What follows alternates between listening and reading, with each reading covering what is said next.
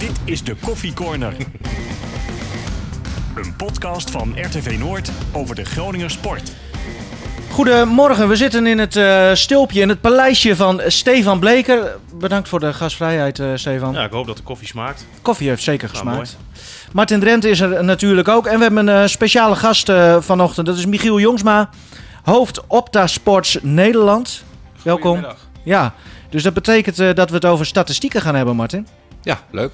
Ja? Ja. Ben je niet zo conservatief? Nee. Oké, nou, uh, we gaan het er allemaal over hebben. Maar ja, we hebben ook Wouter Gudde straks nog uh, in de podcast. Die bellen we straks, want uh, er is genoeg te vertellen over het Delta-plan van de KNVB. Het reddingsplan voor het voetbal. Dus daar gaan we het ook nog over hebben. Zo, dat gaat lekker, hè, die knopjes. Ja, dat gaat niet zo lekker. Um, maar Stefan, eerst even Mark Diemers. De beoogde aankoop van, van de FC. Dat duurde heel erg lang, hè? Dat duurde heel lang. Ze zijn nu volgens mij drie maanden bezig ongeveer ermee. Maar ik heb hem net nog eventjes gesproken. En uh, nou ja, hij geeft nu ook wel aan dat het inderdaad wel heel lang duurt. Uh, en dat hij ook wel met andere clubs uh, gaat praten. Dat er voldoende belangstelling is. En ja, dat hij natuurlijk gek is als hij daar niet naar gaat luisteren. Maar dat hij nog steeds graag naar Groningen komt. Hè. Dan hoorde je ook wel wat geruchten. Dat Groningen eerst wilde wachten dat, voor het zeefuik, dat zeefuik verkocht zou zijn. Maar ja, daar zegt uh, Diemers in ieder geval niks van af te weten. Oké.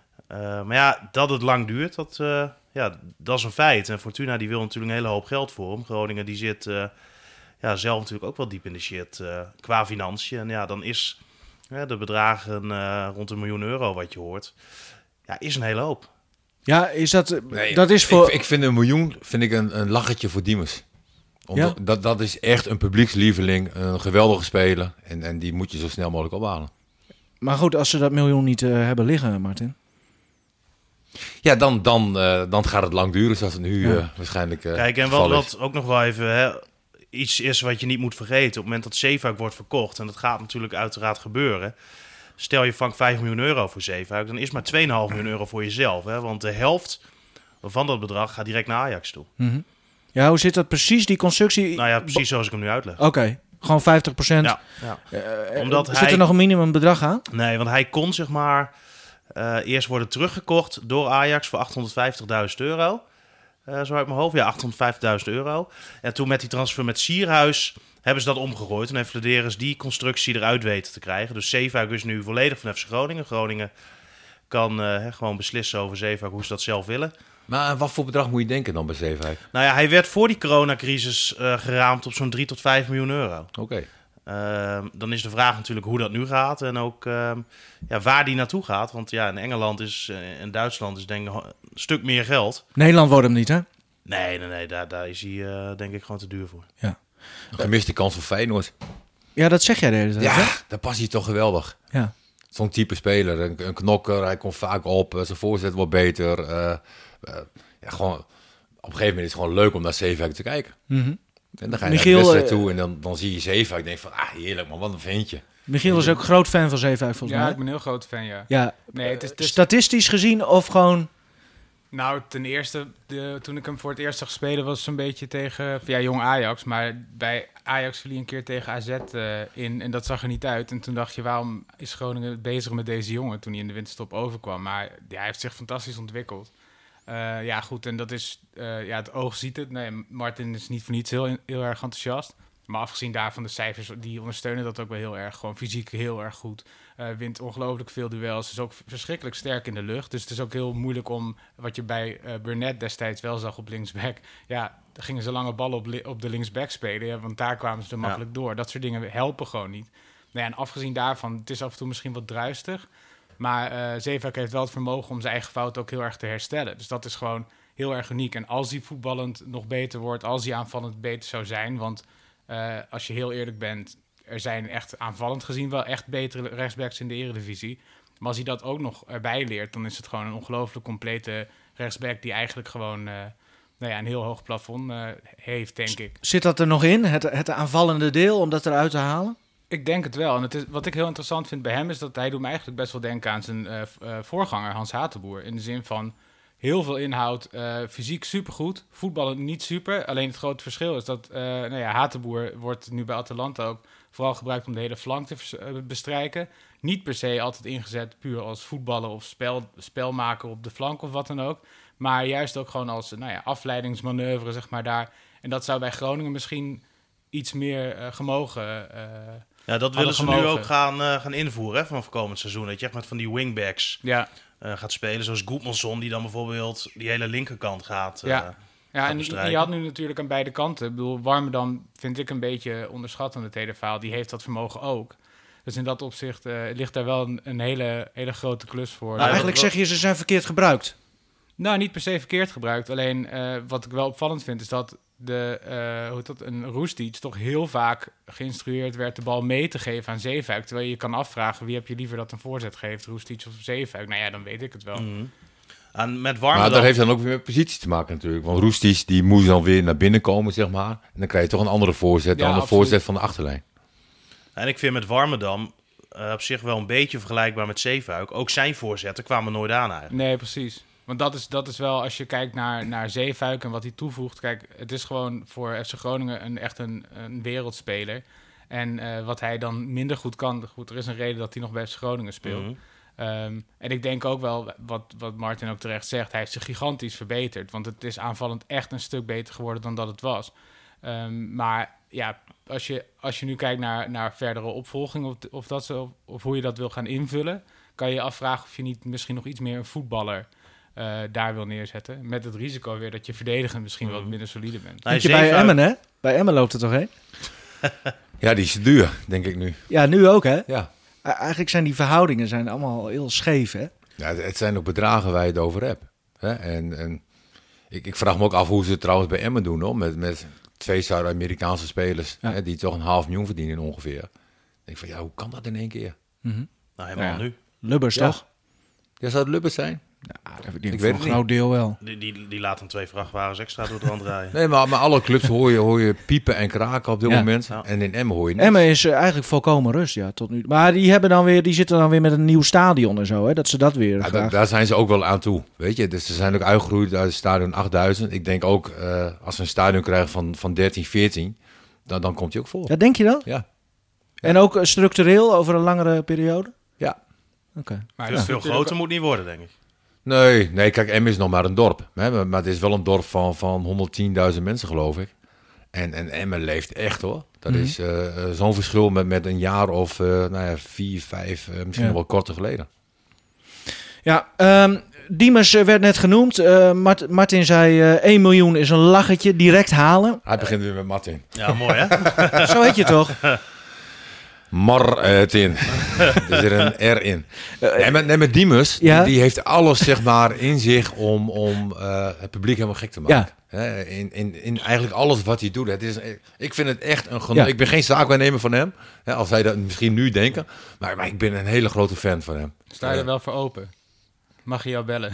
Ja, nee, hij mag altijd bellen. Maar uh, en, en, ik hoef er ook niks voor te hebben. Alleen, ik vind het een, een geweldige speler. Maar 1 miljoen, is hij 1 miljoen waard? Ja, dat, dat, dat, vind ik heel moeilijk in te schatten. Ik, wat ik me heel erg afvraag is, uh, ik denk dat hij inderdaad wat verder is dan Roestic of Lundqvist. Maar aan de andere kant, als je kijkt naar wat hij daadwerkelijk oplevert, zeg maar, gewoon qua, uh, hoe dat, qua passing, qua kans creëren, doelpogingen, dat soort dingen. Uh, het verschil is niet super groot. Het is een iets vaardigere dribbelaar. Hij heeft natuurlijk ook vroeger veel op de flank gespeeld. Was eigenlijk een buitenspeler. En dat heeft hij wel, wel een beetje voor op die andere twee. Dat hij in het centrum wat comfortabeler is. Roestic zoekt toch iets vaker de flank op. Uh, is daar op die niet heel erg geprobeerd nog. Alleen het probleem is wel een beetje... Ja, zijn grootste wapen is waarschijnlijk zijn trap, zijn, zijn uh, spelvoortzetting.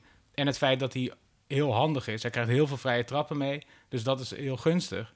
Maar dan moet je het wel gebruiken. En dat is wel iets waar je heel specifiek als club mee aan de slag kan... Uh, FC Groningen denkt niet uit in standaard situaties. Is verdedigend niet kwetsbaar, dus dat is positief. Maar aanvallend, ja goed, de tijden dat je, dat je bij elke corner dacht van nou, dit kan er wel eentje worden, die is al lang voorbij.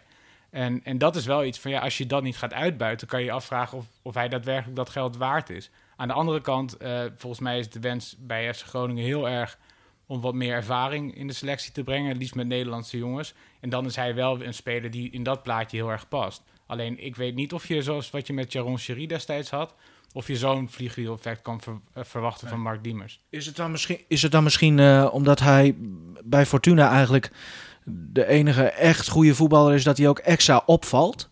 Is dat misschien een beetje waar wij nu ook uh, mee dat zitten? Kunnen, dat we zo positief zijn over hem? Dat zou kunnen, maar ik denk ook dat, dat er bij Fortuna voorin wel iets meer beweging is. En dat wat, wat je bij Groningen momenteel al heel erg hebt, is dat je met Lundqvist en met Roestic wel jongens hebt die heel graag in de bal komen. El Hankouri heeft daar natuurlijk ook wel de neiging, uh, neiging toe.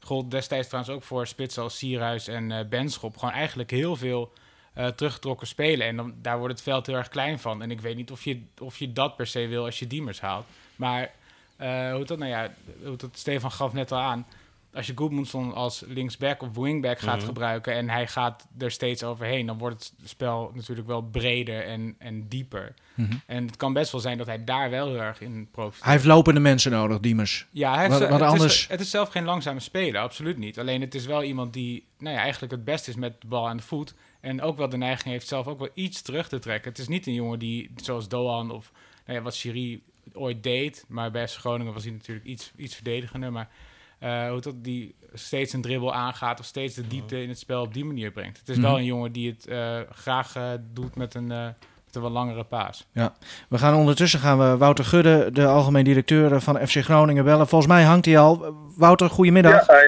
Goedemorgen. Ja, Goedemorgen. Goedemorgen. Goedemorgen nog, hè? Ja, je hebt helemaal gelijk. Ehm, nou, we hebben het de hele tijd over Diemers, Wouter. Ik, je bent natuurlijk niet de technische man, maar goed, we moeten het toch even vragen. Ja hij vindt het uh, wel een beetje lang duren, zei hij tegen Stefan vanochtend toen hij hem aan de lijn had. Oh, ja, ja dan, uh, dan zou je toch echt bij Mark-Jan moeten zijn. ja, maar je hebt, je hebt het toch, toch wel een beetje met Mark-Jan ook over, denk ik? Zeker, zeker. Maar ik word uh, netjes geïnformeerd op het moment dat we weer een stapje verder zijn. En dat zijn we nog niet. Dus. Nee. nee. Zit er wel een, een, een, opening in, zeg maar? Een volgende stap? Of, of, of kan dit ook nog wel echt een tijd gaan duren? Ja, dat, het kan, kan, dat kan echt uh, heel lekker clichématig, maar alle kanten op. Ja. En dat komt door die verdomde corona? Maar is ook een van de dingen die meespeelt inderdaad, ja. ja. ja. We bellen jou uh, natuurlijk over, uh, over dat Delta-plan. Ja. Uh, wat is gepresenteerd vorige week vrijdag. Stefan, ja. eerst even in het kort. Wat houdt dat Delta-plan precies in?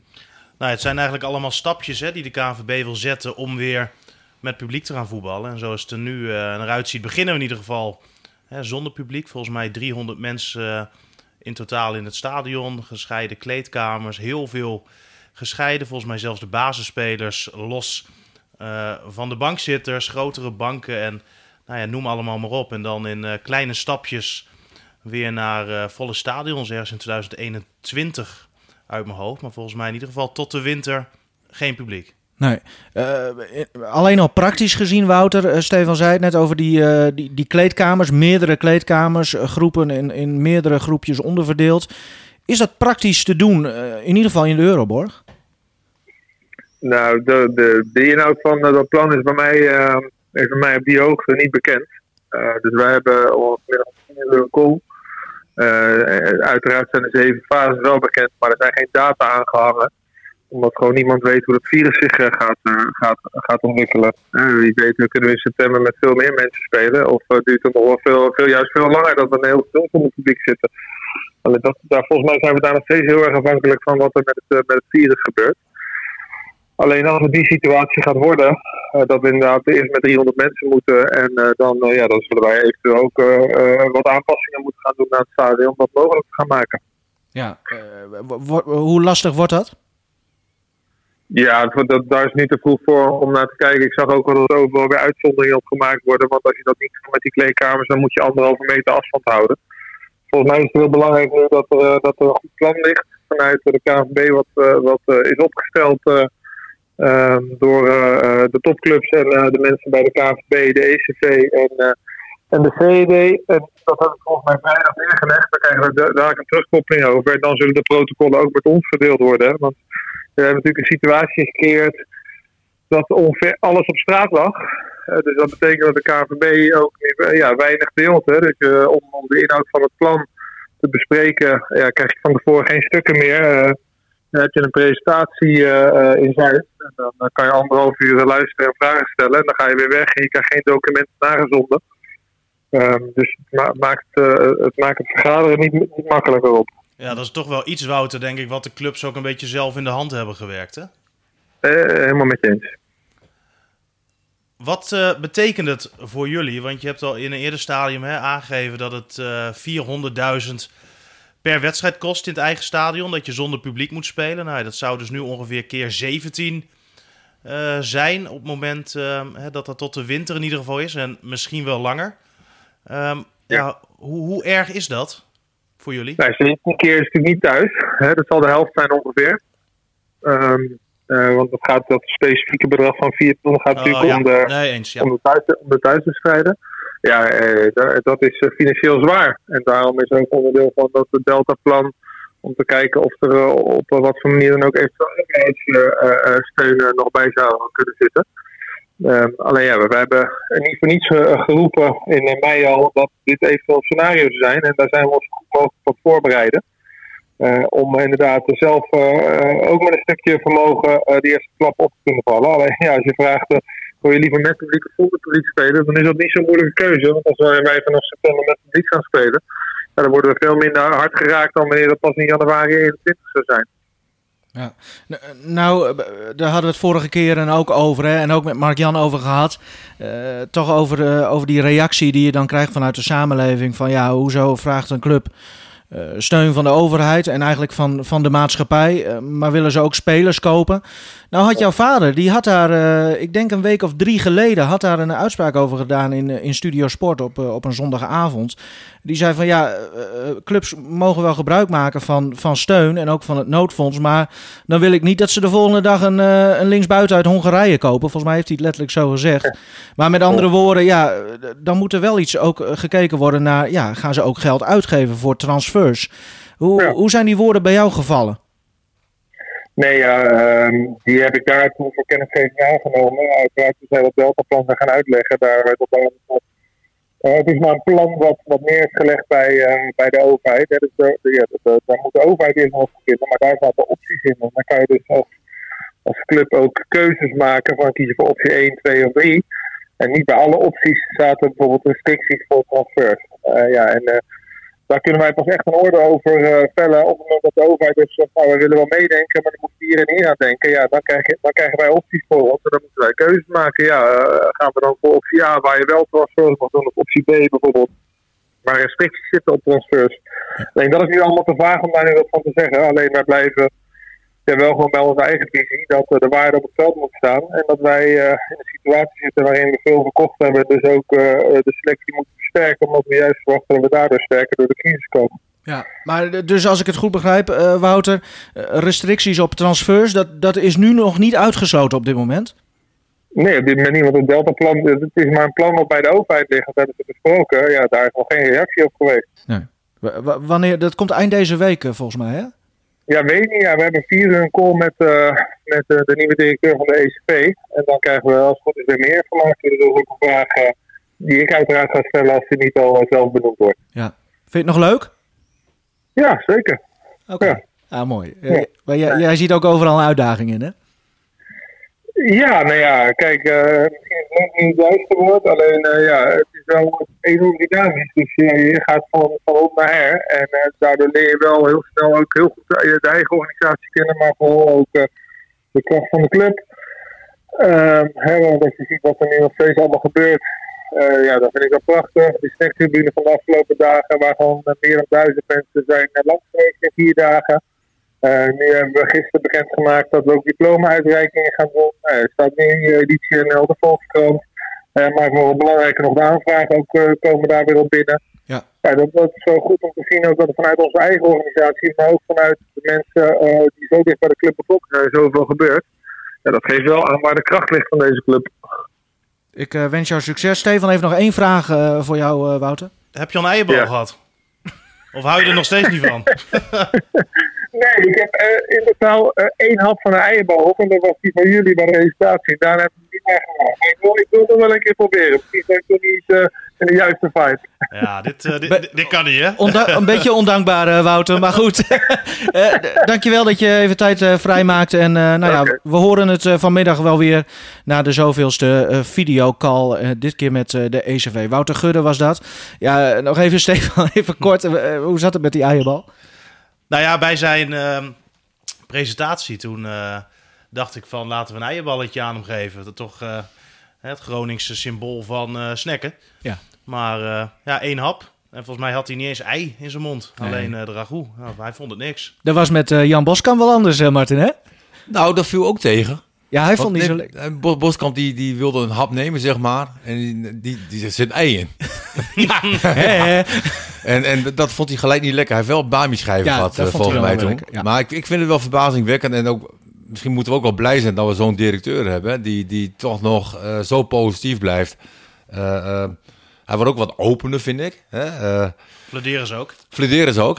En, en ja, Potjandori, hij stapt ook in een situatie dat je denkt van nou, daar word je ook niet vrolijk nou, van. Ja, Want normaal natuurlijk... gesproken hadden ze de Diemers natuurlijk al lang gekocht. Ja, maar wat je natuurlijk nu wel ziet, en waar je denk ik ook uh, blij mee mag zijn, is dat Gudde een commerciële achtergrond heeft. Hè? Ja. Die heeft bij Excelsior natuurlijk ook heel veel dingen op commercieel vlak gedaan. En als je dan nu al kijkt waar Groningen mee bezig is, hè, met zo'n snackcorner, uh, met die diploma-uitreikingen, wat hij zegt. Uh, ze, ze zijn er wel mee bezig en ze proberen wel op andere vlakken ja, toch een beetje geld ja. te schrapen. Het, het, is niet veel, eh, maar op die manier zorg je wel dat Groningen ehm, ja, in de media blijft. Dat er veel berichten nog steeds over FC Groningen zijn, ondanks dat er dus niet gevoetbald wordt. En ehm, ja, ik, ik vind dat een goede zaak. Martins Gomos, heeft uh, als eerste amateurclub volgens mij uh, een aantal seizoenskaarten ook aangeschaft. Hè? Uh, ja. Zeg maar op naam van Gomos.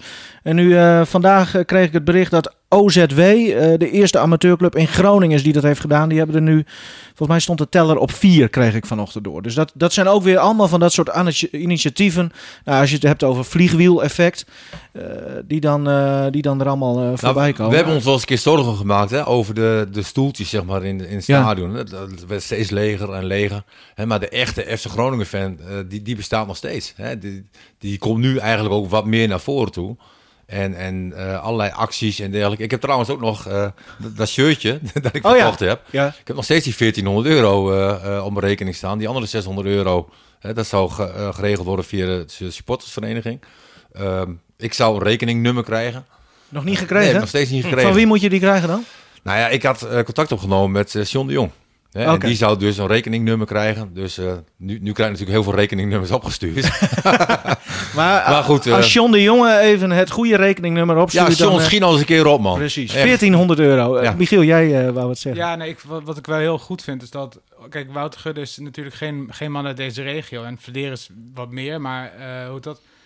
Het is wel heel, heel slim en ook wel heel prettig om te zien hoe erg de supportsvereniging bij dit soort dingen wordt betrokken. Want daardoor uh, misschien de feeling die misschien bij die mensen zelf ontbreekt, zeg maar, met echt de regio zelf. Ze weten wel dat ze bepaalde mensen daar gewoon voor moeten inschakelen, daarbij betrekken. En dat is wel wat je nu denk ik heel erg ziet. Het, is, het wordt echt door supporters en club opgepakt. En dat heb ik al een uh, hele tijd een beetje gemist. Ja. Ja, jij bent echt supporter ook uh, van de FC, hè? Jazeker. Al, al hoe lang? Uh, nou, ik heb in uh, 2005, 6 denk ik voor het eerste seizoenskaart uh, gehad. Dus dat is uh, eh, 15 jaar ongeveer. Ja. Maar daarvoor gingen we wel met, met, met wacht even hoor, ja, met, met, regelmaat ook nog wel naar het Oosterpark. Ja. Bedoel, voor mijn werk kijk ik regelmatig naar wat er op deze dag zoveel jaar geleden gebeurd is, dat soort dingen. Kwam ik afgelopen uh, maand nog een wedstrijd tegen van het 1996 bijvoorbeeld dat Mariano Bombarda een hattrick maakte tegen Sparta. Uh, toen dacht ik, oh ja, toen zat ik in het stadion. Dus dat, was, dat soort ja. dingen zie je nog steeds wel. Martin ook zien voetballen? Martin zeker zien voetballen. Ik nog sterker, voor Martin gejuicht en ge, gesmeekt dat hij de eerste in de Euroborg mocht maken. Ja, ik ook. Ja. ik was er wel dichtbij, man. Ja, ja, dat was wel erg bijzonder om te zien. De opening van, van het stadion, ja. officieus. En uh, nou ja, er was maar één speler die iedereen wou zien scoren. Ja, dat was, ja. dat was wel bijzonder. Dat voelde je een hele stadion. Ja. Ik was, ik was niet meer goed genoeg. wat, wat, is er, Stefan? Je kijkt een beetje moeilijk. Ja, ik hoor een beetje ruis. Of, oh, uh, nee, dat was, dat was Martin, denk ik. Oh, ik zat aan het draadje te trekken, sorry. Maar nog even heel kort over die wedstrijd, hoor. Ja. Uh, toen speelde je wel in het verkeerde shirt. Ach, Veendam, Veendam was een hele mooie club. Ja. He, dat, dat, was echt een, een familieclub, een hele warme club. En uh, ja, ik, heb daar alleen nooit gepresteerd. Op een of andere manier lukte dat daar niet. En ja, weet je, het was een mooie afsluiting van mijn carrière. Ook nog leuk geëindigd tegen Go Eagles. wedstrijd na competitie waarin ik twee keer scoorde. Toen was ik ook echt wel klaar in mijn hoofd en, en qua gevoel en, en lichamelijk. Maar ehm, ja, ik was zo gedreven ook. En, en om daar de eerste goal te maken. Ik kan iedereen aanraden, probeer op YouTube, eh, is dat vast wel te vinden, even het interview te zoeken van uh, Martin Drent na die uh, openingswedstrijd in de Euroborg. Dat weet ik helemaal niet meer. Ja, het was een prachtig interview. Ja, ja jij was heel emotioneel. Ik zal één dingetje eruit verklappen. Okay. Jij zei, ik kan later tegen mijn kleinkinderen zeggen van opa heeft hier de eerste wedstrijd in de Euroborg gespeeld. Nee, dat absoluut. Maar het was geen officiële wedstrijd natuurlijk. Nee. Het was een oefenwedstrijd. Ja. En een emotionele lul ben ik eigenlijk altijd al ja, geweest. Ja, dat klopt. dus dat, dat, uh, ja, dat, dat, zit in me. Jongens, Dick Advocaat heeft het ook trouwens. Wat? Ja. Dat is ook heel emotioneel. Hoe komt hij hier nou weer bij? Ja, ja heeft dus niks met lengte te maken. Emotionele dik. um, Michiel Jongsma is er niet voor niets. Uh, Wouter Gudde hebben we nu gehad. We gaan het ook even over vorig seizoen hebben aan de hand van cijfers. Ja. Uh, jij, jij bent erin gedoken. Jazeker. Atletico van het Noorden werd FC Groningen vorig jaar genoemd. Maar er werd ook heel veel op, op, op gezeken. Het, het, was, het was niks aan om naar te kijken. Het was saai, niet creatief, geen doelpunten. Um, zijn wij allemaal gek geweest of blijkt dat ook wel een beetje uit de cijfers? Nou ja, je, je had net zo goed met een uh, papiertje kunnen oplezen in dat oh. opzicht. Dus uh, nee, ja, het beeld klopt natuurlijk wel. Het is het is een beetje hoe je er naar kijkt. Eh, half, half, uh, glas half vol, half leeg. In de zin van, ja, Atletico van de Noorden, dat, dat klopt ook echt wel heel erg. Niet alleen gewoon in, uh, hoe dat, in het beeld wat je hebt als je de wedstrijden ziet, maar zelfs wel in, in, in de tactiek. Waar tegenwoordig het pressen heel populair is, zie je bij Atletico, die gaan eerst terug hergroeperen, goed staan, zorgen dat het heel moeilijk wordt voor de tegenstander om er door te komen. Dat is iets wat je bij FC Groningen ook ziet als je kijkt hoeveel passes FC Groningen toestaat voordat er daadwerkelijk defensieve actie wordt ondernomen ten opzichte van concurrenten. Ja, zij staan bij de onderste vijf. Want zij gaan niet meteen proberen die bal te veroveren. Ze zijn er helemaal niet naar op zoek. Het gebeurt af en toe wel. Maar uh, qua dat soort profielen kom je eerder uit bij clubs zoals uh, nou ja, RKC en Fortuna in het rijtje dan bij, bij AZ of, of nou ja, Ajax, noem maar op. En dat is wel heel typerend. Dus in dat opzicht, je kan echt wel zien wat de invloed van nou ja, Diego Simeone is op Danny Buis. En mhm. wat heel erg knap is, is dat als je kijkt naar een paar jaar terug, de, de selectie en de, de, de situatie die uh, FC Groningen uh, had toen Danny Buis het overnam van Faber. Nou ja, goed, Faber was echt de koning van de chaos natuurlijk. Ik bedoel, je keek naar die wedstrijden, vooral het eerste seizoen. Ja, je kreeg zoveel doelpogingen tegen, zoveel aanvallen tegen. En zelf gebeurde er ook wel een stuk meer.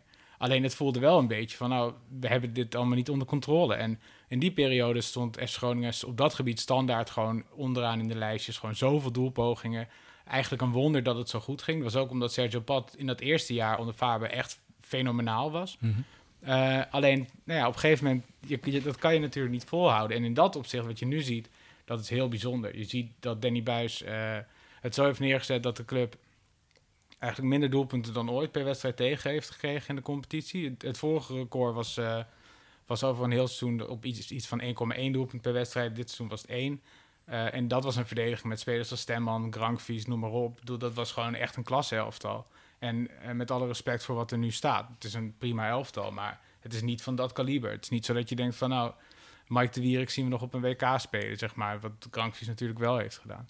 En dat is, dat is denk ik wel heel knap. En ook wel uh, dat het knappe daarin is ook wel dat als je kijkt naar de namen van afgelopen jaar, je mist gewoon ten opzichte van het jaar daarvoor ook gewoon een paar die heel veel hebben gespeeld. Handwerker is er eentje. Uh, je hebt uh, hoe dat, uh, Chabot is natuurlijk weg. En voor de verdediging je, heb je Reis moeten vervangen. Dus dat is gewoon echt heel erg knap. Wat ook heel erg opviel is dat, dat ze iets meer op balbezit zijn gaan spelen. Dus toch wel ten opzichte van het jaar daarvoor wat meer controle hebben willen krijgen ook wel iets opportunistisch hebben geprobeerd te spelen. Dus veel meer voorzetten en dat soort dingen. Wat, wat je normaal gesproken graag ziet. Alleen het probleem is een beetje dat. Ja, daar heeft, hij, daar heeft Buis natuurlijk eigenlijk net niet het materiaal voor. Want de, de spits die, die je had, was Sierhuis en Benschop. zijn niet echt helemaal het type om gewoon uh, opportunistisch, puur op kracht. Benschop mist een beetje doelgerichtheid. Nou ja, en Postema is weer een heel ander type. Dus als je kijkt naar het aanvallende gedeelte en de cijfers ondersteunen dat compleet. ja, daar ben je gewoon een lage middenmotor. Ik, ik, denk ook dat het mee te maken heeft dat er in die tijd, hè, dat het al vorig seizoen, uh, toen Ron Jans natuurlijk ook nog de, de, technische man was, ze deden maar wat. Eigenlijk. Hè, ze hadden een linksback nodig. Nou, uiteindelijk, hè, wat je net zegt, hebben ze toen handwerker uh, gehaald. Maar handwerker had nog nooit linksback gespeeld. En de beelden die op de duur aan de technische staf, uh, wat de technische staf te zien kregen, dat waren dat hij links op het middenveld speelde. En werd dan door Ron Jans gezegd, ja, hij kan ook wel linksback spelen. Maar op die manier werd er toen uh, gescout. En het was van, nou ja, we hebben een linksback. Nee, hij kan misschien wel linksback. Uh, laten we maar halen. Uh, nu, en als je ook naar de woorden van Vladeris luisterde... die we de, de laatste keer toen in de podcast hadden... zoeken ze een wingback. Hè? Dus ze gaan niet iemand zoeken die links op het middenveld kan spelen. Nee, ze zoeken iemand die die hele linkerflank kan gaan bestrijken. En zo, bijvoorbeeld... nou, maar dat betekent, Steven, dat ze met drie man achterin gaan? En dan uh, beide kanten een back. Ja, ja, ja dat, dat is... Dus het gevaar is ook weer dat je dan met vijf man verdedigend staat. Ja, nou, dat, dat is in en, geval... En met hoeveel controleurs gaan ze dan weer spelen? Nou ja, dat, dat is dus de vraag, hoe ze het gaan invullen. En je kan natuurlijk van alles van vinden. Maar ze hebben nu wel een idee van zo gaan we spelen. en, en, en, dit soort spelers hebben wij nodig. Maar dat idee was afgelopen seizoen ook met vier verdedigers en twee controlerende uh, spelers. Wat dus een situatie bracht dat je zes verdedigers had. Verdedig verdedigend denkende spelers. En vier aanvallende spelers. Waarvan je Roestic aan de rechterkant hebt staan. Uh, dat geen speler was uh, die buitenom kwam. Dat was je afhankelijk van Zeefuik die opkwam. Dus die kwam altijd naar binnen. Ja, bij de spitsen had je te weinig ondersteuning. Hè, want je speelde niet met een 10. Roestic die, die speelde vanaf de rechterkant, kwam naar binnen. Maar was niet echt nummer 10. Aan de linkerkant had je een probleem dat Han Kouri uh, uh, te weinig vorm had. Uh, Goedmanson te veel blessures heeft gehad. Slor één keer een hele aardige invalbeurt heeft gehad, maar die hebben we nooit weer gezien. Weet je, was het systeem wel goed genoeg om, om ook aanvallend te kunnen presteren? Nou ja, dat, dat is en, natuurlijk en, de vraag, ja. Als je dan, vind ik, zo gaat spelen, dan heb je aan de linkerkant, rechterkant, en ik heb het al heel vaak benoemd, je hebt een speler nodig uh, die en middenvelder kan zijn en buitenspeler kan zijn. Dus uh, enorm veel loopvermogen. Hè, jij gaf het ook al aan, hè, de, de, de, linksback en rechtsback van Groningen, die hebben dat wel. Uh, maar de linksbuiten en de rechtsbuiten van Groningen hebben dat niet. Nou, dan, dan heb ik ook heel vaak gezegd, dan kan je een Nefland in de spits hebben. Dan kan je een Peter Houtman in de spits hebben. Die gaan ook moeite krijgen om, om te scoren, want alles heeft te maken met de aanvoer. En, en uh, ja, de spitsen van Groningen hebben gewoon veel te weinig aanvoer gekregen. Nou ja, en dat is denk ik ook wel een beetje het punt. Ik bedoel, op Kai Sierhuis is heel veel kritiek geweest. En dat is ook wel, wel met enige regelmaat wel terecht geweest. Heel veel moeite gehad natuurlijk ook om echt fit te worden. Ja. Maar ja, als die de lijn een beetje had doorgetrokken voordat hij die transfer maakte...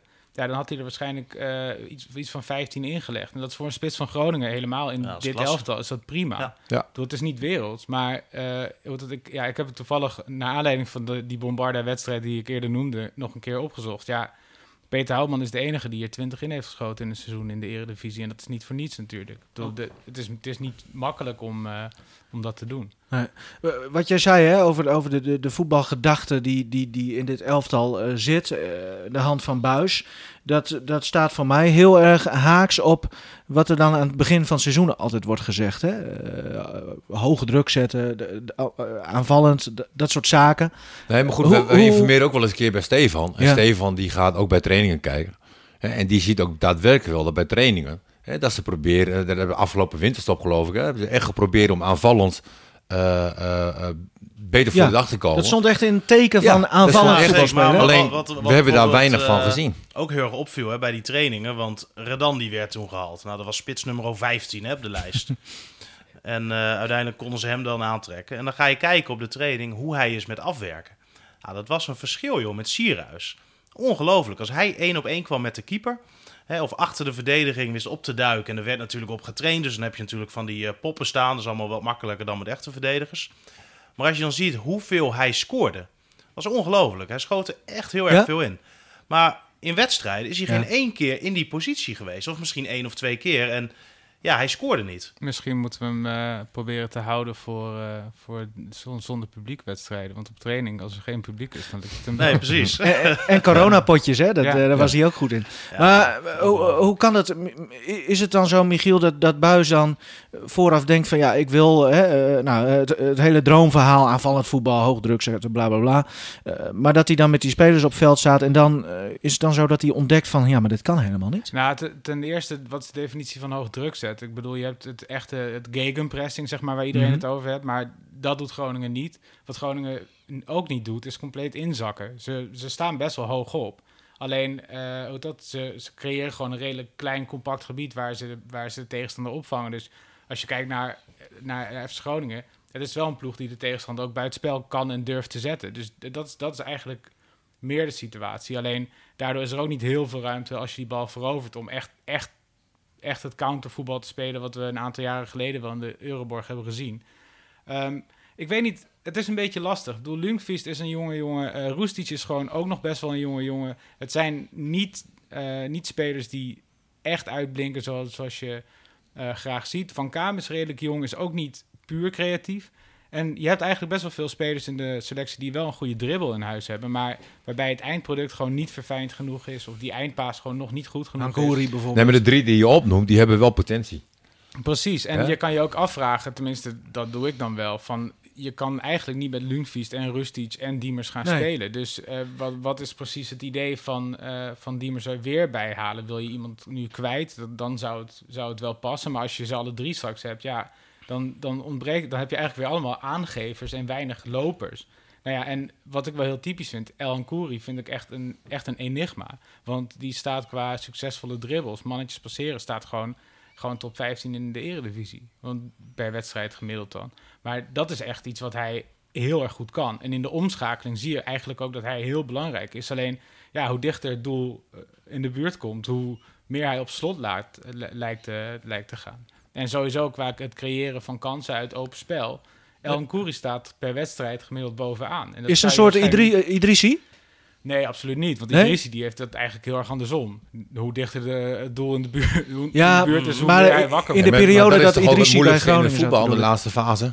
Ja. dus het moment uh, van de assist en het moment van de goal. Nee, dat, dat is het moeilijkste. Je kan je serieus denk ik wel afvragen. Ik bedoel, het zal niet gebeuren. Dus je kan het hier roepen en zeggen dat het een goed idee is. Dat scheelt. Hm. Maar je kan je serieus afvragen of je een El Koeri niet een keer op rechts als wingback zou kunnen gebruiken. Want het is een rechtspoot. Het is een snelle jongen. Hij is veel in duels. De verdedigende taken doet hij uitstekend. Ik bedoel, in dat opzicht heeft dan mede, denk ik, ook daardoor een goed seizoen gedraaid. Want er is iemand voor hem geweest die gewoon hem heeft geholpen met het werk opknappen. En alleen, ja, ik, ik betwijfel wel bij El Koeri. wordt het een echte afmaker. Hij heeft niet echt een goed lang afstandsschot. Zijn voorzet is is niet super. Moet hij ook nog steeds een indraaiende voorzet doen vanaf de linkerkant. Dus eigenlijk denk ik van, en misschien staat hij wel op de verkeerde kant en misschien echt wel in de verkeerde linie. Maar Goed idee, Martin. Nou ja, vanaf de linkerkant uh, heeft hij toch wel probleempjes. Dus ja. Nou, maar, maar een keer proberen. Dat zou kunnen. Nou ja, hij heeft Roestie is ook wel eens een keer naar de linkerkant gezet. En had hij dan Assoro aan de rechterkant? Of? Assoro die stond op het laatst aan de rechterkant. Ja. Maar ja, met Roestic, die begon natuurlijk best wel leuk. Hè? Toen dachten we eigenlijk aan het begin van het seizoen allemaal van... nou, hè hè, het komt er allemaal een keertje uit. Maar als je dan ook ziet, hè, verderop in het seizoen... heeft hij natuurlijk wel een paar keer pech gehad. Hè? Vaak de lat en de paal uh, geraakt. Maar ja, Roestic is nu ook uh, 23. Hmm. Nee, klopt. Hij moet wel doorbreken. Kijk, en de andere... we, we zeggen continu van, hij is nog heel jong... Maar het mag er nu wel een keertje gaan uitkomen. Nee, eens. Alleen, uh, je kan je ook afvragen van, staat hij wel op de juiste positie? Ja, want jij wil hem in het centrum, hè? Ja. Maar we, en Diemers dan? Ja, nou ja, die is er niet. nee. nee. dat, duurt, dat duurt heel erg lang. Uh, uh, we zitten ook een beetje te evalueren in het afgelopen seizoen. Hè? En, en ja, hij heeft heel veel potentie, vind ik. Mm hij heeft ook wel iets, iets vervelends, hè? dat, dat laconieke. Hè? Uh, daar spreekt het publiek ook niet echt aan. Maar de, ik heb heel vaak gezegd, hij kan een speler zijn, zeg maar, dat als hij bij een AZ gaat spelen, dat je denkt van, oh, mm. hè, wat is hij goed. Nou, hij heeft een beetje, uh, wat, wat, ik een beetje jammer aan hem vind, en dat is iets eigenlijk wat hij heel goed bedoelt, maar op het moment dat hij de bal bijvoorbeeld verliest, dan voelt hij heel erg de drang en de noodzaak om dat zelf weer op te gaan lossen. En dan mm verovert hij weer een bal. En dan wilde hij weer veel te moeilijk doen, want dan wilde hij laten zien, ja, kijk, ik heb het opgelost. Nou, hij heeft heel erg die, die bewijsdrang, heb ik altijd. Ja, het eergevoel. Ja, terwijl hij dan misschien als hij hem weer verovert, veel makkelijker even een balletje breed kan geven. Dan hou je tenminste de bal.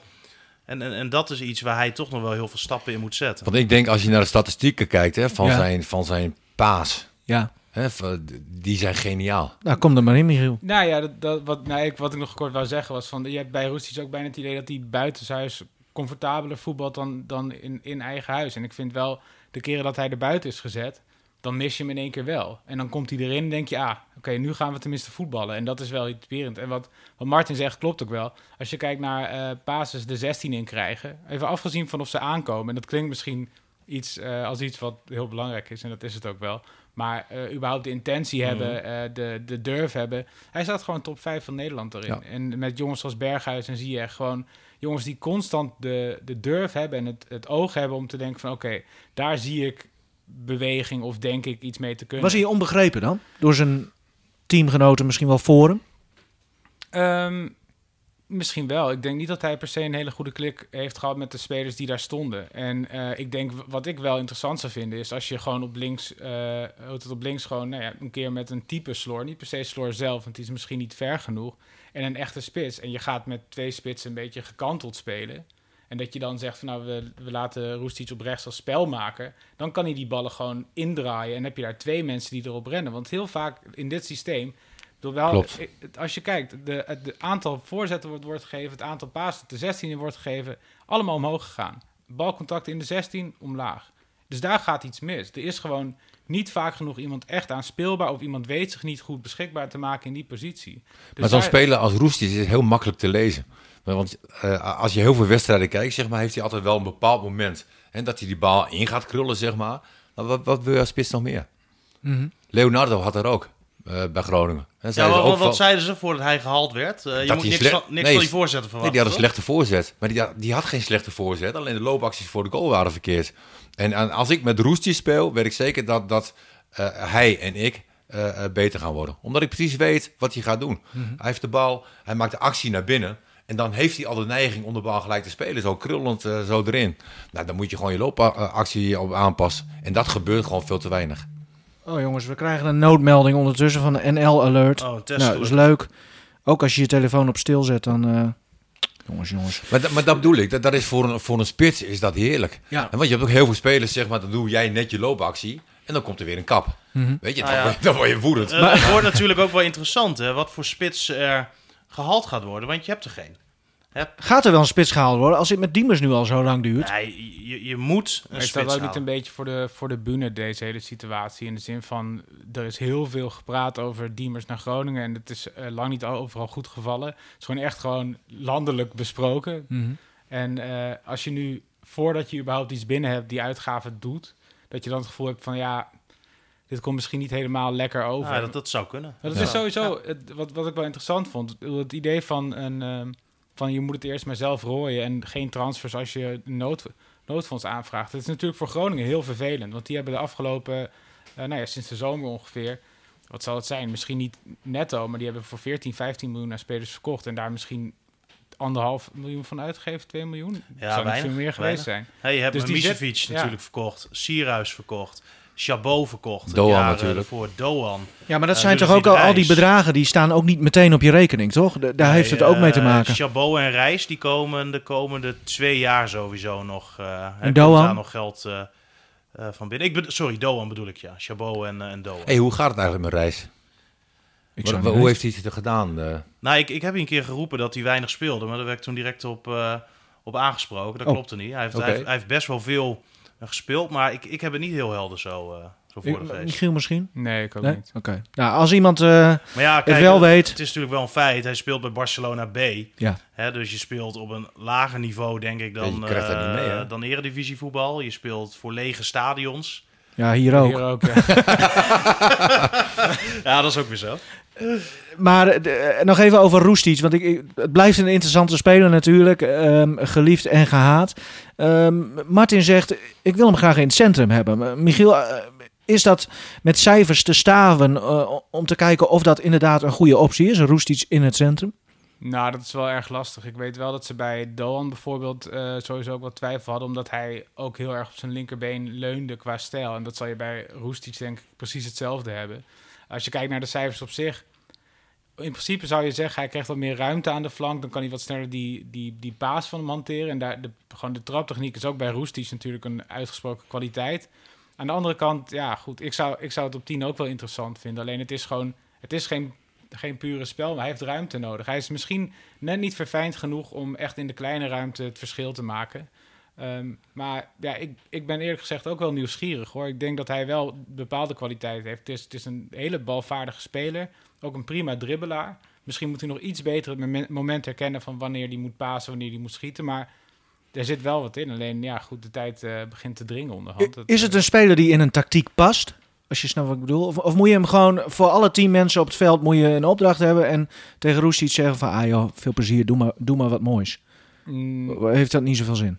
Nee, ik denk dat je hem wel gewoon een duidelijke opdracht moet geven. Alleen uh, dat, dat emotionele van hem zit hem gewoon af en toe denk ik in de weg. Want je ziet sommige wedstrijden, dan houdt hij zich voor je gevoel aan de, aan de tactiek en dan zit hij er goed in. En dan, hij, hij speelt denk ik over het algemeen meer goede wedstrijden dan slechte wedstrijden. Mhm. Maar als het niet goed gaat, dan nou ja, dan hij, hij verliest gewoon heel snel krediet bij het publiek. En dat heeft heel veel effect op hemzelf.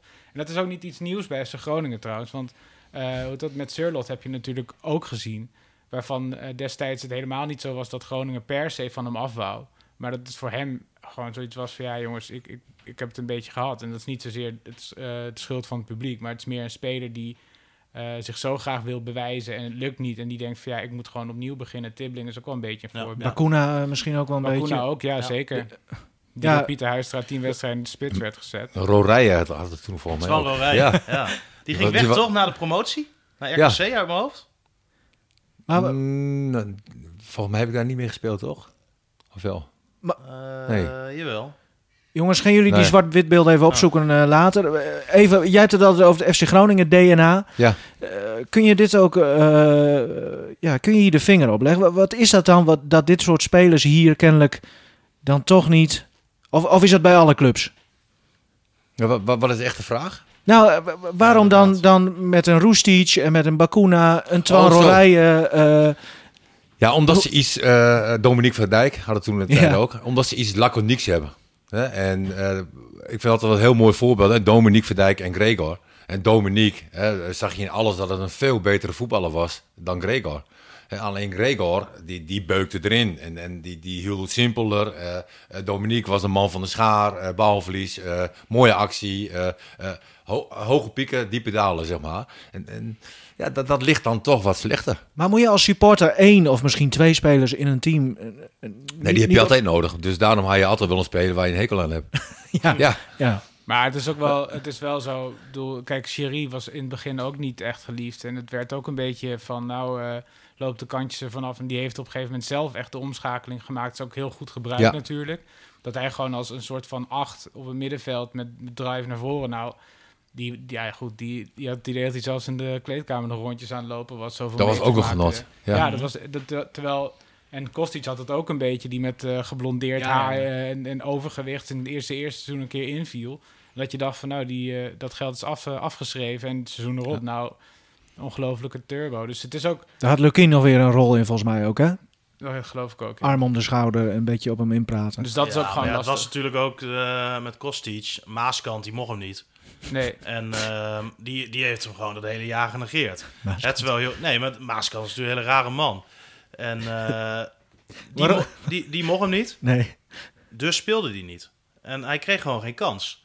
Hè, dus als, als, als we denk ik dat jaar een andere trainer hadden gehad... dan was Kostic denk ik wel eerder tot bloei gekomen. Hm. Met Matas was natuurlijk ook een heel raar verhaal. Hè? Wat, dat bij Groningen niet lukte. Toen ging hij naar Emmen toe. Lukte ook niet. Lukte eigenlijk ook niet. Hij kwam terug. Een dikke blessure kwam hij toen... Uh... Ja, in één keer eh, staat hij er dus. Ja, maar, maar dat is ook op een of andere manier... en het is ook een beetje de wat slemielige... Uh, de scharminkel dat toen binnenkwam, zeg maar. Zo'n iel mannetje en een beetje schrikkerige ogen. Het publiek viel daar op een of andere manier voor. Dus hij had eigenlijk nog, uh, nog geen minuut goed gespeeld.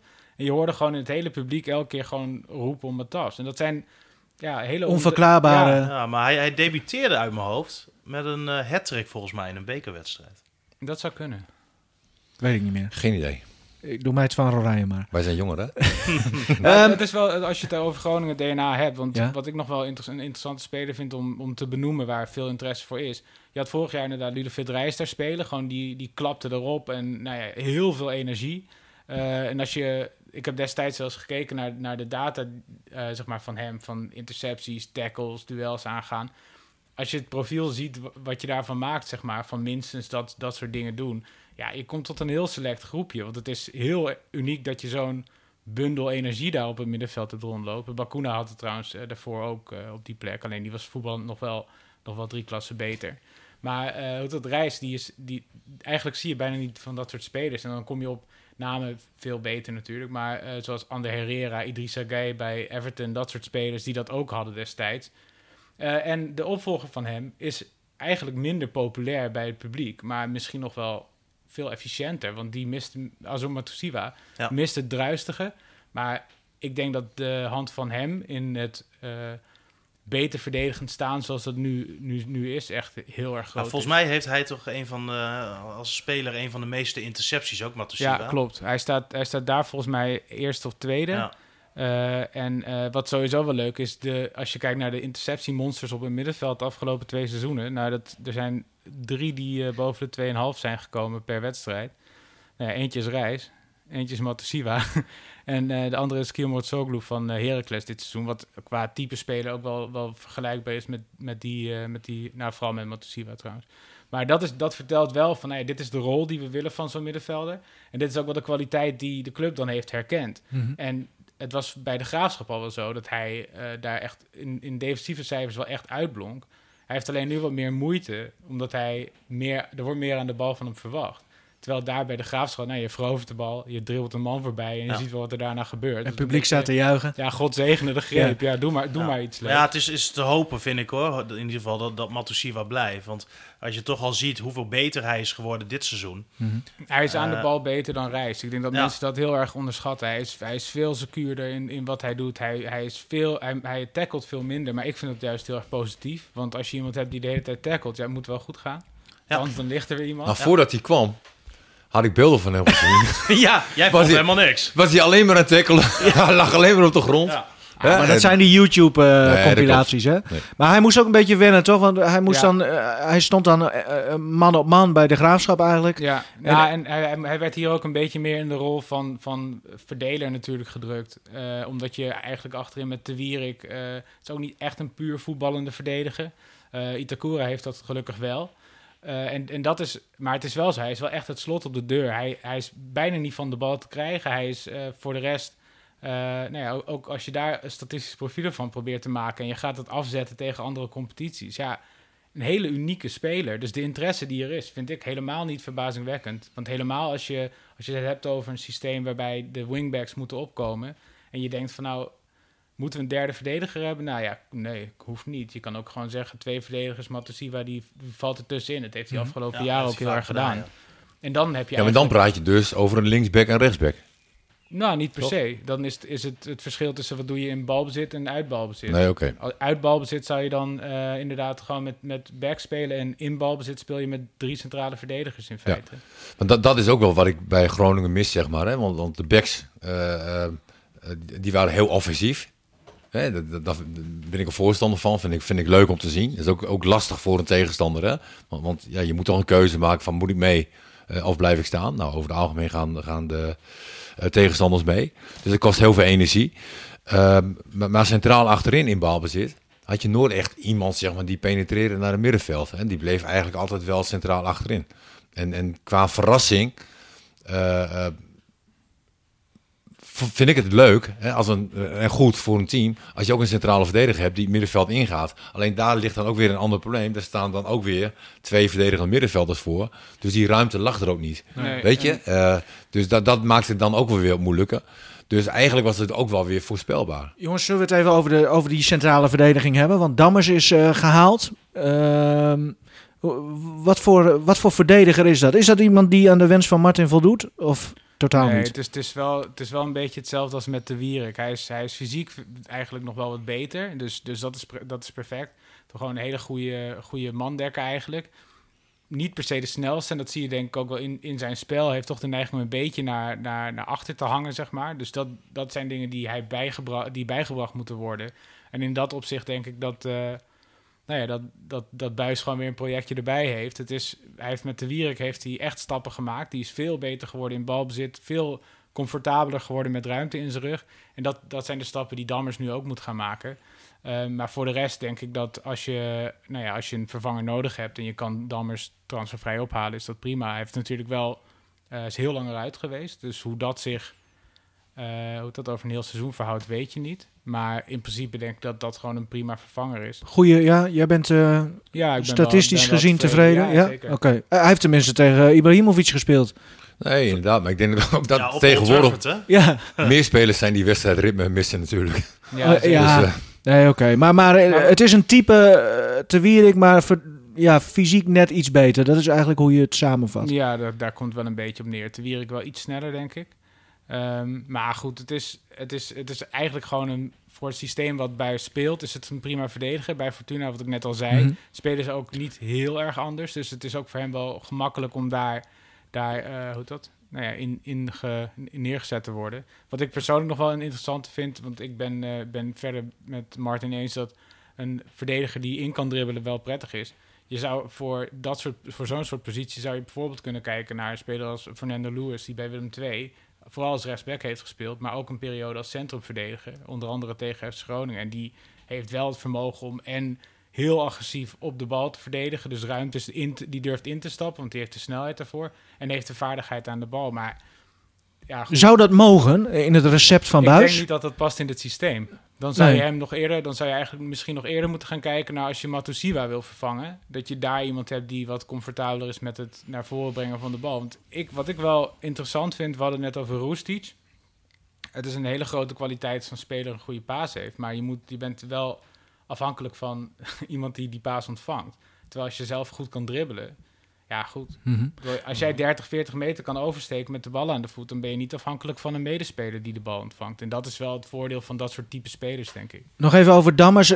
Was vroeger een, een spits, uh, maar is volgens mij onder Fred Rutten omgeturnd uh, toen bij Feyenoord als, als verdediger, als ik het heel goed heb hoor.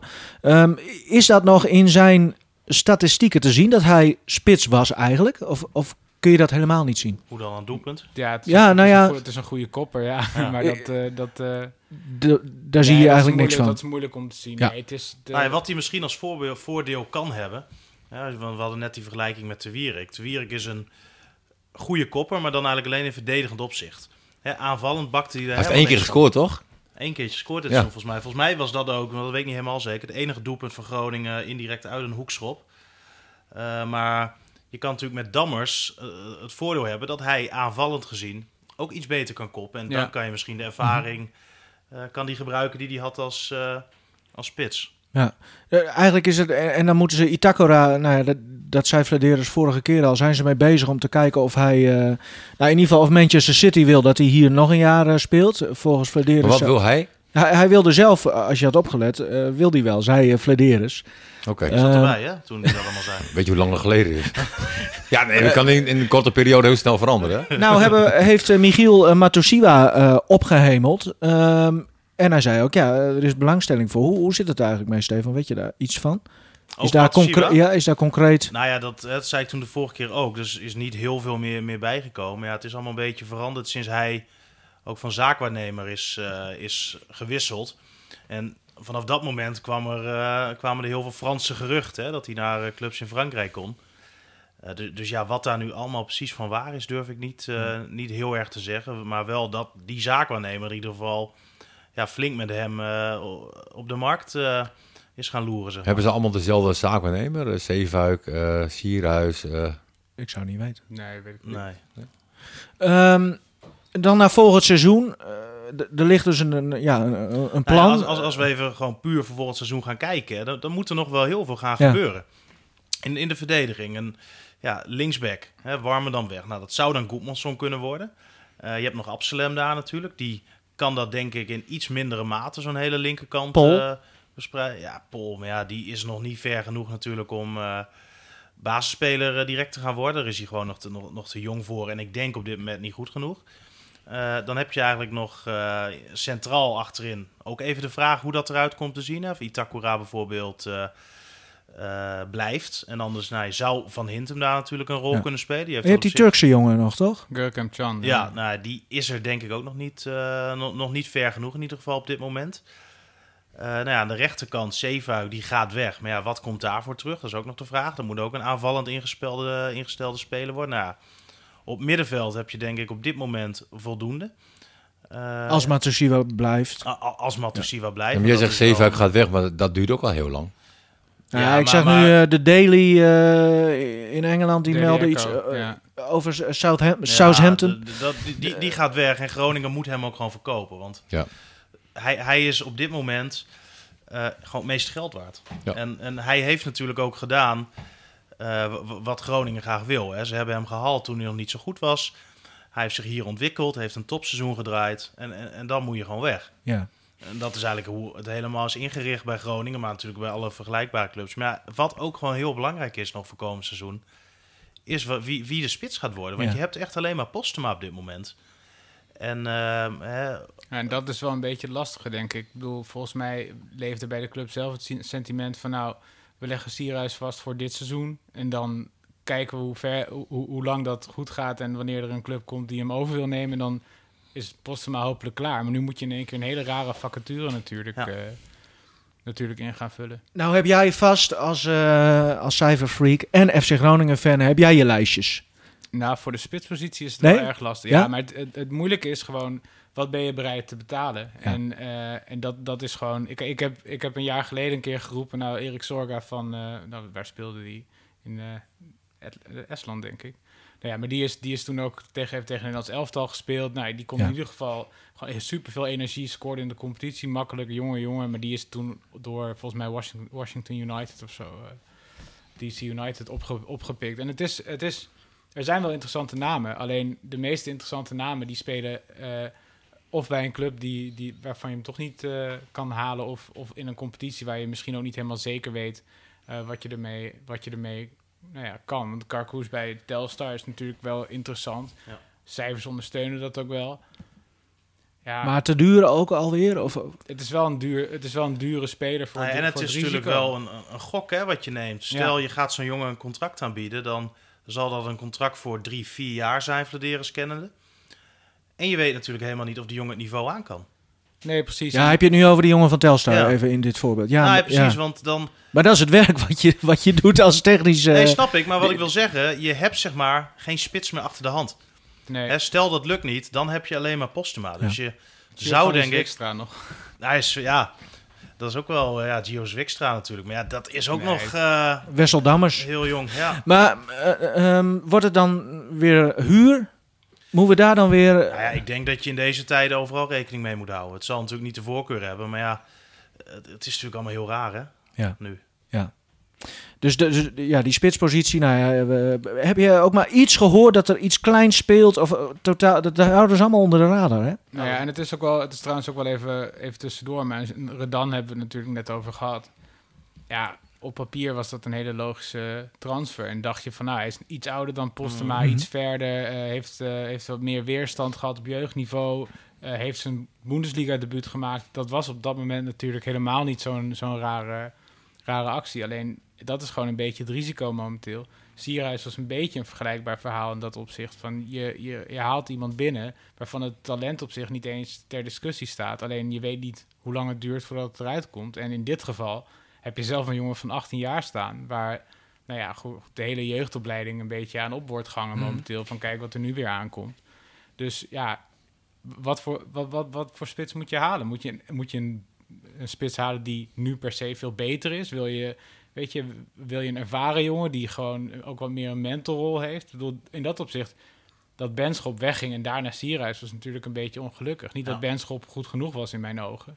Maar het is wel fijn als je gewoon zo'n soort spits erbij hebt. Misschien kan je, het kan niet, maar weet je, als je nu een Matas of Berg had kunnen terughalen voor één jaar, gewoon een, een jongen waarvan je weet van nou die, die heeft, hier, uh, heeft hier feeling, uh, is ervaren, zal misschien uh, ook niet altijd hoeven spelen. Is Matafs niet transfervrij? Even tussendoor. Nee, volgens oh, mij niet. niet. Ik vind Darvalu trouwens wel interessant om, uh, om een naam in de ring te gooien. Van VVV? Ja, ik denk dat als je die jongen hier neerzet, dat hij er gewoon echt wel 10, 15 maakt. Alleen, het is wel weer non-EU volgens mij. Dus het zal een dure jongen zijn. Maar ik vind, hem wel, ik vind hem wel echt goed. En uh, een van de weinigen waarvan je denkt, nou, die zou je misschien kunnen halen. En besliste toen ook de wedstrijd, toch? Hier? Ik weet niet of ja, hij dat... Volgens mij, mij wel. Ja, en, en, die viel ook echt op, zeg maar, in de omschakeling. Ja, ja, ja. Heel, heel snel, uh, want hij liep toen uh, de hele verdediging aan gort. En, en, een kop waar je bang van wordt ook. Dat, dat, dat is ook belangrijk. dat, dat, heb jij ook. Precies. nee, hij verliefd koppie. Nee. Ja, dus, dus dat is eigenlijk nog even afwachten. Uh, wie komt er in die spits? Uh, en voor de rest, ja, als we naar volgend seizoen kijken. Uh, ja, 14 vraagtekens staan er nog en uh, die zullen nog wel even blijven staan. Ja. Je had nog een statistiek over Martin Drent, Michiel, hè? Nou, Moet ik me zorgen nou, maken? Nou, ja. Goed, ik, ik, ik, heb, ik, heb, ik, heb, ik sprak Navino afgelopen week. En uh, nou ja, goed. We weten allemaal dat Navino niet, niet, niet altijd uh, met zijn lieve kopie altijd lieve dingen zegt. Ik vertelde hem dat... Uh, Dan gaan we dat niveau dat, bereiken. Dat, nee, dat Frederik Stemman van de spelers met minstens 100 eredivisiewedstrijden van Groningen het hoogste winstpercentage had. Dat was 50% Wat best wel best wel opmerkelijk is. Er is echt gewoon nooit een periode geweest dat FC Groningen echt standaard gewoon de helft van de wedstrijden won verder bijna. Maar goed, toen dook ik in de statistiek en keek wie het hoogste verliespercentage had van spelers in die groep. nou ja, kan je wel weer nagaan wie dat is. Ja, sorry Martin. Ja, dat is lekker. ja. ja jij, hij heeft serieus van alle spelers die ooit bij Groningen hebben gespeeld. Met minstens 100 eredivisiewedstrijden. Dat is een belangrijk uh, criterium, ja, ja, daar moet je ook aan Het was natuurlijk wel zo dat wij net gepromoveerd waren. Ja, en maar zit er ook het eerste divisie bij? Nee. Alleen Eredivisie? Ja, alleen, nee, want dan wordt het een ander verhaal natuurlijk. Ja, en toch, Martin, dan zie je wel weer, die cijfertjes zijn totaal niet belangrijk. Want jij bent een nee, eeuwige Dan kan je toch heel duidelijk de conclusie trekken dat de spelers waar ik mee gespeeld heb niet goed genoeg waren. jij, jij, was onbegrepen. Nou ja, maar als je, ik denk ook wel, als je, als je op een gegeven moment in een fase terechtkomt, dat je ook vaak wordt... Uh, wordt ingebracht om, uh, om nog iets uit het vuur ja. proberen te halen, ja, dat, dat helpt natuurlijk niet mee. Nee. En wij zaten dus in de situatie dat wij ook countervoetbal speelden. Ja. En ik ben geen counterspits. Jij bent geen counterspits. Maar ik maakte wel mijn doelpuntjes zeg maar, uit standaard situaties dergelijke, maar niet uit uh, vloeiende aanvallen. Bij Mussel was hij ook geen counterspits, uh, Steven. Nee, nee ik heb zelf zoiets was gezien. Een, was een seizoen dat, uh, er was op een gegeven moment een seizoen volgens mij dat Sander van Gessel topscorer was van FC Groningen. Dat geeft wel aan hoe, ja. hoe, hoe, moeizaam het allemaal in dat opzicht... Ja, uh, volgens mij. Ook nog een keer. Ja, het zou kunnen. Ja. Nee, het was lastig. Jongens, we breien er een leuk om te horen. Nou, ja, nou, ik denk, ik denk wel dat, dat als, als je, als je nu, nu een, een type Martin Drent erbij zou hebben, dat zou wel prettig zijn. Want als je momenteel... Uh, het is wel wat echt wel een heel groot nadeel van FC Groningen dit seizoen is geweest. Ja, aantal wedstrijden na achterstand gewonnen. Niks, volgens mij. Niks. Hij is ik vind dat hij leuker eindigt dan die statistieken van hem. Ja, graag gedaan. En dan nu. Michiel. Vraag ja. die nooit wordt gesteld. En nu moet ik me zorgen gaan maken. Ja, ja. denk het wel. Een cijfertje tussen de 1 en de 85 moet je noemen. en daar hoort een vraag bij. 19. Kijk, oh, die is ook nog niet geweest. Klus jezelf in en om het huis. Uh, nee, eigenlijk niet. Mijn vriendin vindt dat leuk om te doen. Dus ik doe het koken en de boodschappen en zij hm. doet, uh, ah, zij beetje... doet klussen. Ja. Ja, zij heeft, zij heeft uh, kunstacademie Minerva gestudeerd. Kijk. Dus daar ook veel met de handen bezig geweest. En nou ja, goed, ik dacht van als jij, als jij dat zo leuk vindt, dan doe je dat maar vooral. Ja. En nou goed. Wie ben ik dan om te zeggen dat... Precies. nee, ik vind, het is niet zo dat ik, dat ik er voor wegloop, maar het is, het is, wel, het is wel haar afdeling. Dus, Want je woont nu in de stad, tijdje. hoe ja, Jij hebt een tijd uh, echt buiten de stad gewoond, hè? Ja, ik werk nog steeds, uh, ik werk nog steeds in uh, Amsterdam en ik ben 12 jaar uit de stad weg geweest. maar we zijn afgelopen jaar hebben we besloten van nou, we willen toch, toch op een duur wel terug. En mijn vriendin kon hier in de regio weer aan het werk. Dus we zijn nu, zijn nu sinds september zijn we terug vlak redelijk dicht bij het uh, oude Oosterparkstadion. Dus dat, uh, dat is ook een goed gevoel natuurlijk. Daar loop je wel eens heen, een ja, beetje mijmerend. Ja, zeker. Ja.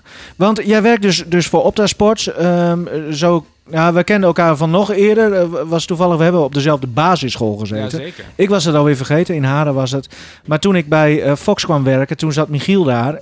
ook al voor Opta. en toen herinnerde hij mij daaraan. kun je vertellen wat je bij Fox doet? Uh, nou, ik werk zelf uh, voor, voor Stats Perform, dat is de eigenaar van, van Optasport. Wat wij doen is, uh, wij zijn de datapartner van de, van de Eredivisie, van Fox Sports. En wij zorgen voor live ondersteuning van statistiek. Dus wij proberen de analisten, presentators, de commentatoren te voeden met relevante statistieken, zodat zij gewoon weer nou ja, een, eigenlijk de wedstrijd een verhaal tot leven kunnen brengen. En dat doen we naast, naast voor Volks doen we het ook voor heel veel andere media. Dus Voetbal International sparren wij veel mee. De persgroep, Algemeen Dagblad, Volkskrant, noem maar op. Dus het, uh, het, is uh, in dat opzicht redelijk gevarieerd wat er allemaal wordt gedaan. En wij doen het dan in, voor, voor het Nederlands taalgebied. Maar we hebben ook collega's in, in nou ja, goed, heel veel andere landen. Ja. Dus nou, dat is, het is interessant. Het is elk, elk, elk seizoen weer, weer iets anders in dat opzicht. En gewoon betaald voetbal kijken, Martin. Ja, nee, ja, ik vind die statistieken vind ik juist altijd heel erg leuk. Ja, ook als wij lijfverslag doen, hè, dan, dan komt het onder in beeld te staan. Nou ja, dat komt dus door Michiel, want die heeft het dan net doorgegeven. Dat vind ik ontzettend leuk. Ja. En soms zie je ook al statistieken dat je denkt hé, hey, dat, dat, is, uh, hadden we niet verwacht. Ik had van jou wel een beetje eh, een conservatieve houding uh, verwacht, maar nou, toch een andere voetbalgeneratie. Je hoort het vaker, vooral oud-voetballers die dan... Uh, veel oud-voetballers zeg ik dan even, die, die dan zeggen van ja, die statistieken en die laptop-trainers en dat soort zaken. Nee, nee, maar je bent prof geweest, dus je wil het maximale wil je eruit halen. Hè? Ja. En als je bij wijze van spreken kijkt naar statistieken vrije ballen van een speler vanaf de rechterkant en hij schiet hem 9 van de 10 keer schiet hij in een bepaalde hoek. Dat, dat is toch prettig om te weten. Ja. Ik, denk ook wel, ik denk ook wel dat het heel erg uitmaakt hoe, hoe het wordt benaderd. Ik bedoel, blind varen op de cijfers zal geen enkele normale data-analyst of wat dan ook doen. Het heeft ook heel erg te maken met, met kijken wat er op het veld gebeurt. En op het moment dat die dingen heel erg langs elkaar heen gaan lopen, dan, dan weet je voor jezelf van, nou ja, of we registreren iets niet goed, we, we missen iets, een bepaalde nuance, of we kijken niet goed. Maar er is iets aan de hand. En het mhm. is redelijk zeldzaam dat je echt, uh, denk een, een, een, iets wat, wat, wat, nou, wat Martin ziet zou missen in de statistieken of, of andersom. Het, het moet ergens uh, elkaar wel raken. En als het meerwaarde is, waarom zou je het niet gebruiken? Zo is het ook. Dat dom zijn. Laten we dit uh, elk jaar, uh, elk seizoen uh, doen, Michiel. Terugblikken op het oude seizoen en een beetje vooruitblikken op het nieuwe seizoen. Aan de hand van, van de cijfers. en jij zegt, die spits van Telstar is goed genoeg, hè? Ik denk het wel. Ja. Dit was hem, denk ik maar, weer. Maar liever die van VVV. Ik ook. Ja, wel? Ja. Daar verloor, ja. Ja, ja? die zou ik ook wel behalen. Hoe oud is hij? Ja, wel 5, 26. Maar het is wel... Het is een Mooie leeftijd. Hij, gewoon bij een slecht voetballend team, wat, wat voor de rest uh, nou ja, ook, ook heel verdedigend staat, heeft hij echt heel veel losgemaakt. Ik ben wel jaloers op VVV. Die hebben veel geluk gehad. Uh, of is het geluk? Uh, misschien ook wel kwaliteit van zoeken, maar die hebben altijd goede spitsen gehad de afgelopen jaren. Eens. Hopelijk komt het hier ook. Dankjewel voor het luisteren. Mooi.